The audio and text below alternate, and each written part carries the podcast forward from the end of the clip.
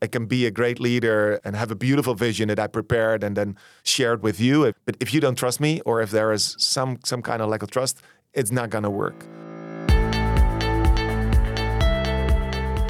Welcome, everybody, and thank you for listening to a new episode of Fit for Future, your bite sized learning podcast from Archipel Academy. My name is Omar Fouab.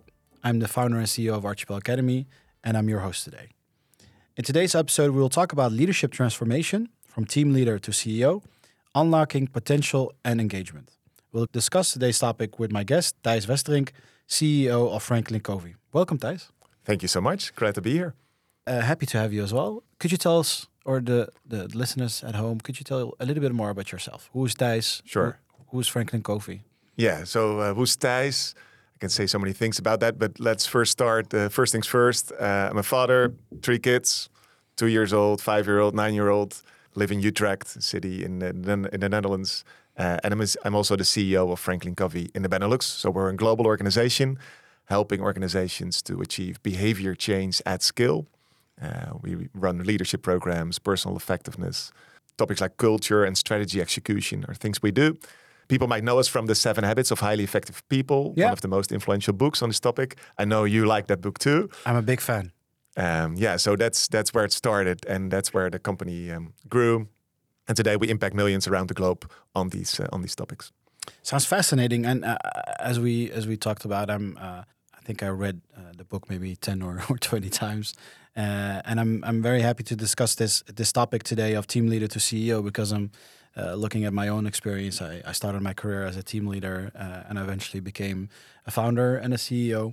Uh, so I know a lot about these challenges. So um, to kick it off, one of these uh, topics that every year we, we highlight is how can an organization effectively develop leadership skills at all levels, from team leaders to CEOs?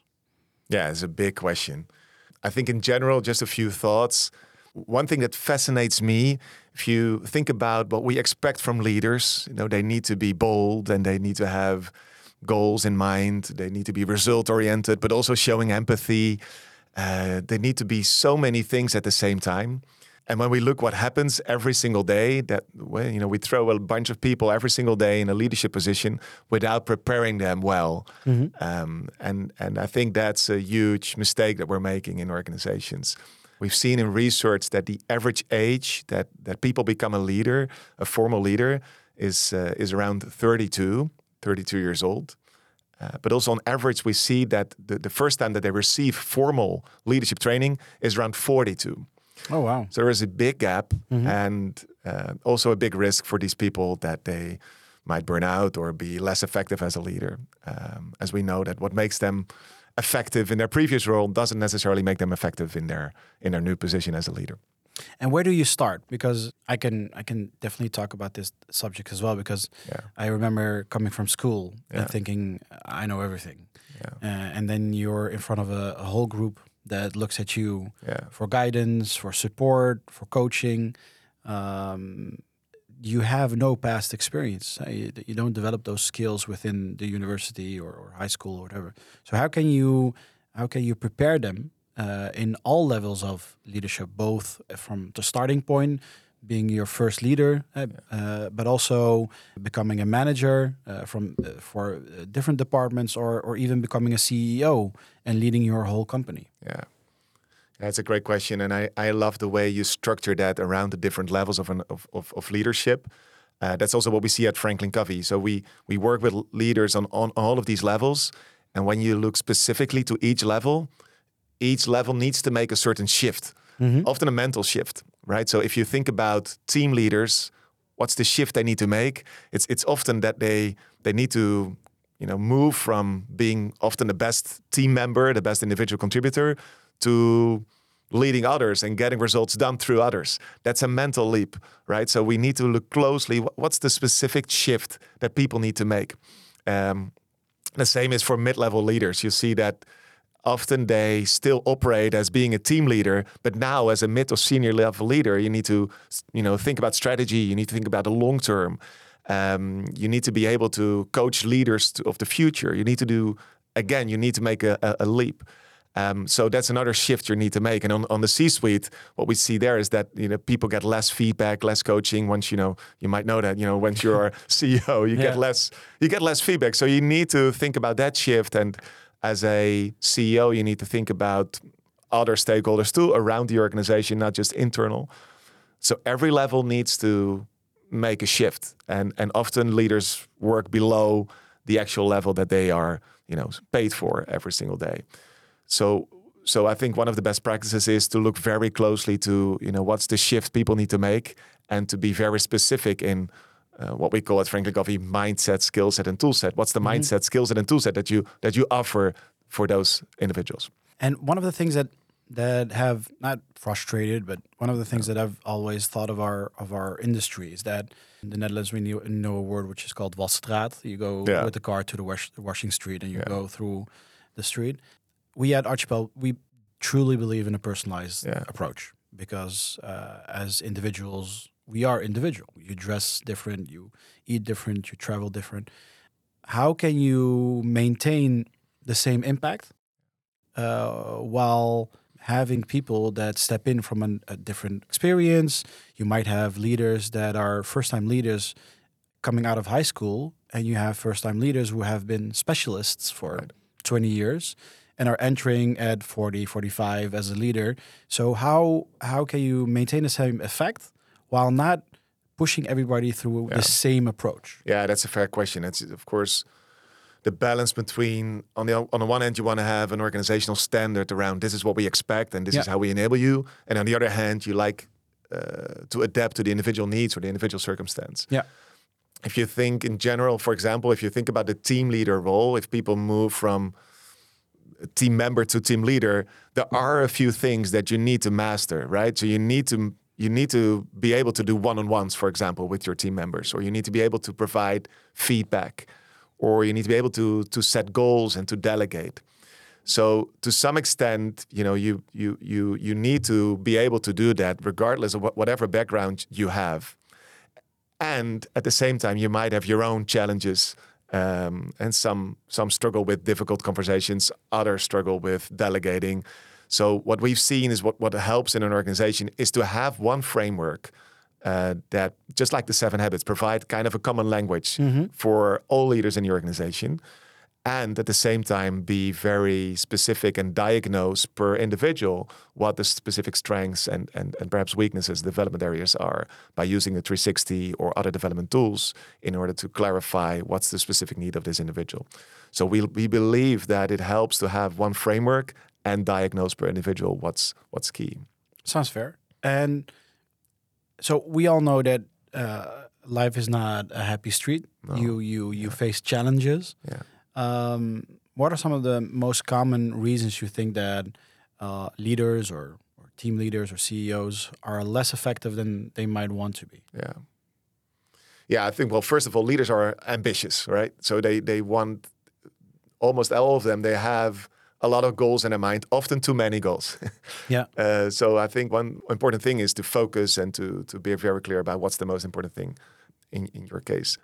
I think a second reason is is that what made people successful in the previous role and and people were, you know, recognized and rewarded for that is not necessarily making them successful in their next role. So you know leaders need to get used to that. So if you were the best salesperson in the team you know you were you know people were recognizing you you were doing such a great job. Now you become a leader of a sales team. You need to be able to do so many other different things in order to be effective as a sales leader. Um, so if you're not if you keep doing what you've been doing you will not be successful. You'll be stressed out. People in your team will be stressed out. So you, you need to be able to make a mental leap. Yeah, you need to be able to think differently and act differently. Um, so in, in many cases, what we see is that formally people got a new position, mm-hmm. but they actually just work as as they've done before. Uh, we've you know we've worked with a sales team, and you know uh, when sales sales is high, no problem. What do you do as a sales leader when sales numbers go down? Yeah, we often see the sales leaders you know jump into doing sales themselves immediately as they yeah. as they're probably very good at that. Uh, but of course, the question is, okay, how can I enable my sales team to be effective? And that's kind of the pitfall that we see almost everywhere and also on, on, on more senior uh, levels in the organization. And, and you also, I think you also have the, uh, the challenge of having uh, specialists turning into leaders yeah. who not necessarily have these leadership skills or, uh, but they're great at engineering or great at sales, but yeah. uh, not necessarily managers. But how can an organization mitigate these risks where or challenges where leaders are less effective than they might want to be or, or, or the organization wants them to be? Yeah. Yeah, I think first is key that to be very clear about what you expect from leaders, right? Is it super clear what you expect from le- leaders at different levels? So, you know, at Franklin Covey, we say if you're a team leader, you need to be able to do one-on-ones. You need to be able to de- delegate, to set goals. You need to be able to uh, manage change. You need to be able to provide and receive feedback. You need to be able to manage your time effectively. These are, you know, based on the research that we've seen, some of the key things a team leader needs to master. On senior level, of course, new things come into play. If you promote people, if you're considering people on that position, we need to think about these practices. We need to be able to assess people not just on their expertise, right, that they might have, but also on these competencies. Um, that's one thing, and the other thing is what's the the desire of this person? What's the you know what's their bigger why, right? Yeah. If they you know, Stephen Covey talks about, you know, it's it's in the end purpose. It's it's your mission statement that drives you probably more than external rewards or anything else. So if the desire, if the, the purpose of the specific person is in line with the leadership position, it's awesome. Let's help them get there. But if it's not in line, which sometimes is the case, you know, let's let make a bold decision and and and reward and recognize this person because of his you know extraordinary expertise or whatever. Yeah. So if I understand you correctly, it's it's beyond just being a fun leader, outings, events, having fun days. It's also become being more inspirational, having these also pragmatic uh, systems where you uh, guide your team uh, while it's on one-on-ones or setting targets or yeah. Uh, giving them feedback. So, um, could you explain how leadership plays a crucial role in creating these uh, an environment where employees feel valued and engaged? Yeah. Yeah, so so you mentioned team events, etc. So today's world of remote work, yeah, I see many organizations um, want to improve engagement as we work in this you know crazy labor market with the shortage of, of talent everywhere and and their focus is on let's organize these awesome team events and then engagement will go up. Yeah. The magic pill. The magic pill right? And let's do let's get a crazy dj or or yeah. let's put a, a, slide in the hallway or let's play ping pong. And of course these these are fun things and they might help a little bit but in essence if you look to the engagement levels in organizations we know one thing for sure and that that's people choose uh, you choose how much you give to your to your work every single day. You know, we can't force you to bring out the best. So people only choose how much they give um, every single day. And and there's one thing that we found that can increase the likelihood of people being more engaged, and that's if people are able to answer um, or to say the following statement. And I love this statement. It's it's one of the most beautiful statements I've heard around leadership. And that's if they're able to say, I'm a valued member of a winning team doing meaningful work in an environment of trust. So engagement goes up once people are able to say yes to this statement. And they're valued as part of a winning team. They do meaningful work in an environment of trust.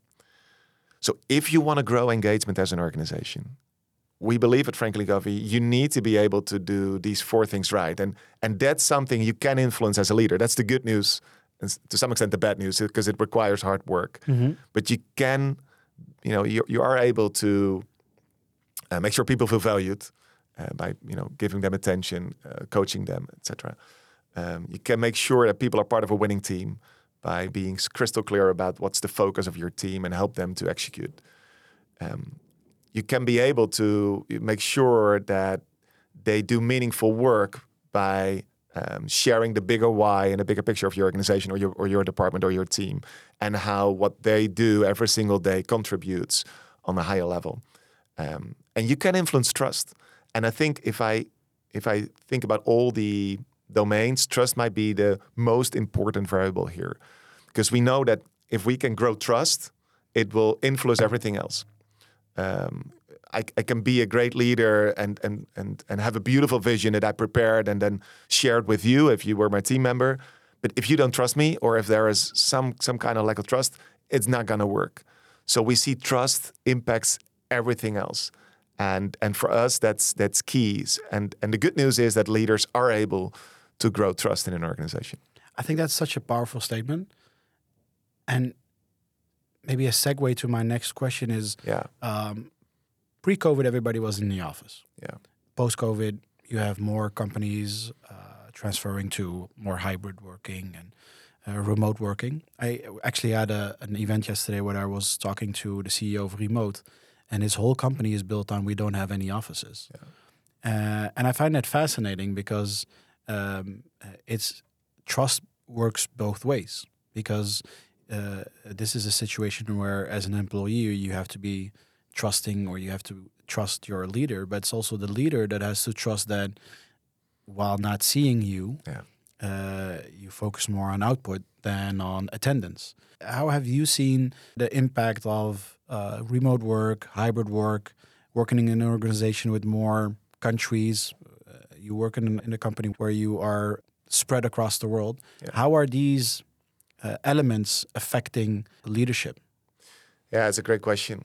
I think I think there's a big change after COVID. You know, during COVID, we've learned so many things. We've learned that we are most organizations responded quite well to the mm-hmm. to the to the situation. We're we're flexible. We're able to do so many things uh, and using the technology that, that we have today at hand. So I, I think today uh, with many organizations in a hybrid workplace. One thing what we've seen is that the topic of engagement and the topic also of culture, it used to be an HR topic. Mm-hmm. And HR was responsible to, to, to fix the culture or to fix the engagement scores mm-hmm. uh, in their you know regular pulse surveys. Um, what we've seen happening in, in many organizations that the topic of culture and engagement is now part of um, the C-suite or part of the, the board or part of the management teams, as they understand it's it's a critical component of the way we work as an organization, and we are the ones as leaders that are responsible for the engagement levels in the organization and we can influence them. Yeah. So that's a big shift that we've seen the move from HR to to to leadership and also that organizations that do this effectively they are very intentional not just about the strategy they have, but also very intentional about the, the culture they have and, and, and how to realize that culture. They're very intentional about what are the values that we have uh, and, and how to reinforce them throughout the organization. Whether they choose to be totally remote or hybrid or work uh, still a lot in the office, we see uh, all of them happening today. But one thing we see as a common thread globally is the ones that are effective are very intentional about what kind of culture are we building as an organization? And talking about culture and your values, your purpose. Yeah. Um, I think trust and, and transparency are, are important topics. What would your advice be to leaders or, or, or team leaders or managers on how to foster this and how to create this within your organization? Yeah yeah, let's we can fill another podcast with that. But yeah, so if there's one thing, so so in many organizations, leadership is seen as something for the frontline or the mid-level leaders. They need to go first, and these C-level leaders yeah. or, or, or the more senior level leaders in the organization, they have their own kind of special offside with the kind of inspirational speaker. Um, but often they have less focus on their own personal development. So what we've seen in terms of culture is that people mirror the behavior of their leaders. Um, the, the, the best cultures in in organizations are leader led. So you can talk about values forever. You can, you know, we see many organizations they have these these huge events and they put U2 on and they they have these these, these you know great catering and yeah. these are values tada but everybody thinks in a room yeah but you go first right yeah. if you don't show the values yeah I'm never going to do this I might join these value sessions and and and not but it's not going to happen so if there's one thing that I would say but again we can fill an entire podcast with that it it starts inside out and it starts leader led uh, so leaders go first. Yeah, I think uh, again a powerful statement. Uh, one of the things that I think that uh, makes your team crumble is if you uh, have this mantra of "do what I say" and "don't do what I do." That's such a strange thing. I think ROI is becoming more and more important. return on investment, uh, measuring the effectiveness of your team, your training programs. Uh, we're seeing more and more organizations also doing not only an employee survey but also a pulse meeting. So, what are some of the metrics that you would suggest um, could be helpful for organizations to track the the effectiveness of their leaders? Yeah, yeah, it, it is an important question, and and we work a lot on that with organizations. It starts actually with the expectations. So in some cases, leadership, the expectation around leadership development is not on behavior change or KPI level. They just want to have something inspirational happening for their team. Uh, and so we, we might try to get all the data there to see the impact on, on behavior on, on, on KPIs, but it's not always the expectation. So in many organizations still, I think the expectations are actually quite low. Uh, uh, so we do a lot of time and investments around the measuring of ROI, uh, but still, many organizations don't don't really really focus or really really uh, research that in, in detail. But the ones that do, uh, of course, you have these different Kirk, Kirkpatrick levels uh, uh, that you might see.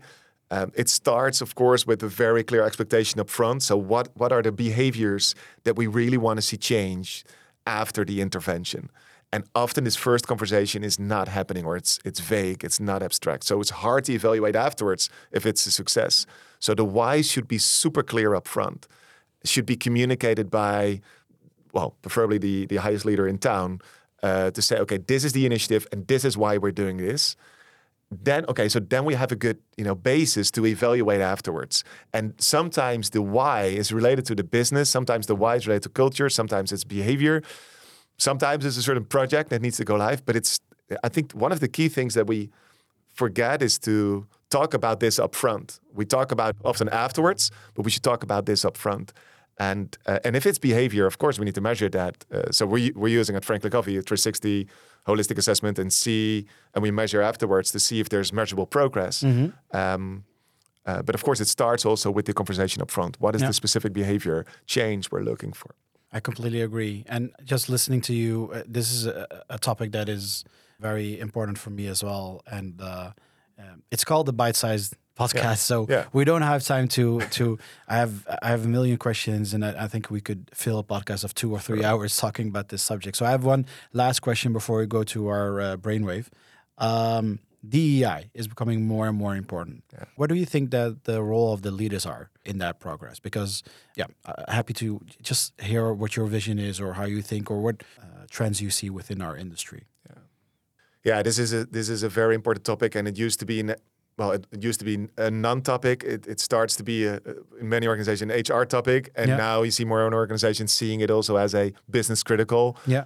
uh, thing. I think it's it's very important that this has more attention. Um, many organizations treat it as a, a, washing street, as you were calling yeah. it, right? So let's let's check off the box. You know, we've talked about this. Now let's let's, let's go back to our work.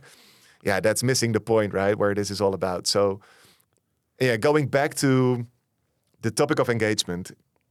In the end, everybody wants to feel valued for who they are, and and and want to be seen with all of the the unique uh, backgrounds and unique uh, things they have. So the leaders are absolutely critical in, in helping uh, individuals to uh, to be seen, to be valued, and to be celebrated because of the unique differences they bring into the organization.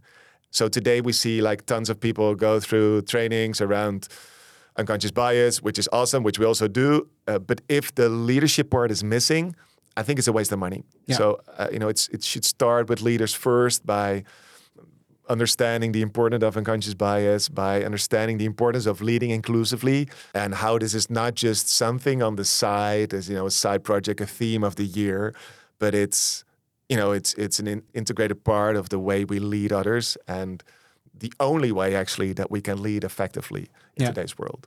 And I think also newer generations yeah. are this is this is a topic that is uh, getting more increasingly more important for the generations that are entering the labor market where as you said you want to be a part of a winning team you want to be having meaningful work uh, and if uh, you as a company or you as a leader don't truly believe that everybody has a place at the table and you want to create a level playing field then i think you lose a lot of these uh, newer generations who frankly don't give a f they will just leave your company because they have a hundred other options. So uh, Thank you, Thijs. Uh, loved uh, having these insights from you. I want to move on to our regular column, Brainwave. Uh, in this column, our guests are given the opportunity to pick a card that features the dilemma, a dilemma about our topic, the innovation, pointing out a new trend or innovation, and bullshit bingo. Uh, name a word, theme, or topic that is much talked about, but which is overrated or even downright nonsense. So, Thijs, uh, grab a card. All right. And pick one. Here we go. Innovation. Innovation. I'll tell you about it. So, the trend of gamification, a thing that I love as well, is impacting leadership development. So, companies are increasingly implementing game based elements in their training programs uh, to develop leadership skills. This can range from uh, virtual simulations to competitive challenges and reward systems.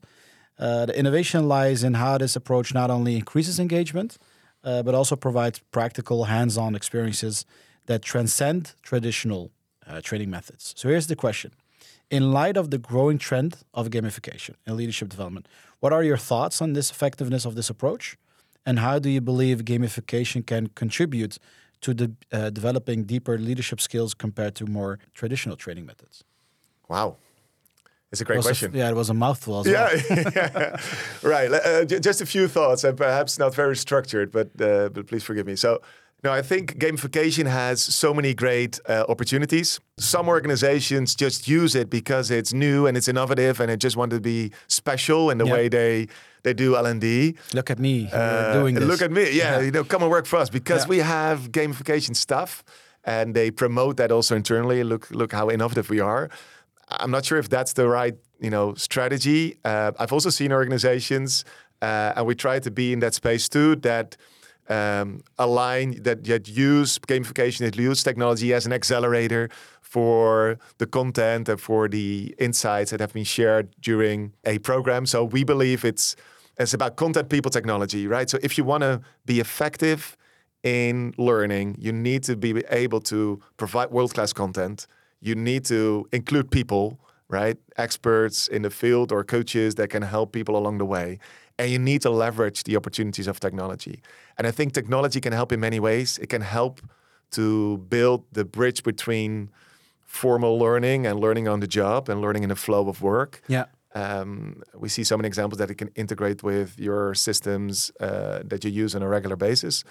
Um, it can help to focus and to gamify the experience, right? To to become better in a skill, not just during a workshop or during a program, but after that, it can help to include social learning and help to learn together and and see the score going up, right? So we're all driven yeah. to to get these these measures up the hill. So uh, I think it provides many many great exciting opportunities uh, as long as it's aligned and strategically implemented. Yeah, yeah, and it's part of the whole thinking process exactly. and design process. Yeah, and I agree with that. I think uh, technology has to be also used as a toolbox and not uh, having the expectation that everything will work 100%. Because I think uh, as individuals, uh, you have some of these people that are massively uh, enforced by gamification because they like points or badges or trophies or whatever. Yeah. And there are some practically some people that don't care. So uh, if you make it a mandatory thing, it might go over their head. Yeah. So I think you have all of these, and uh, you mentioned it as well. Social learning. You have some people that love to talk to others, and that's the way that they yeah. want to learn new stuff. And you have people that want to learn, uh, listen to a podcast like this one, or go to a formal training. So I think I truly believe that it begins with the individual and seeing what things actually make a better impact on that person as well. Yep. Um, um, so, uh, Thijs, thank you so much for your time today and, and sharing your thoughts and, and giving our listeners uh, the insights from you. Uh, I wish you all the best for the future. Thank you for listening to our podcast and have a great day. Thank you.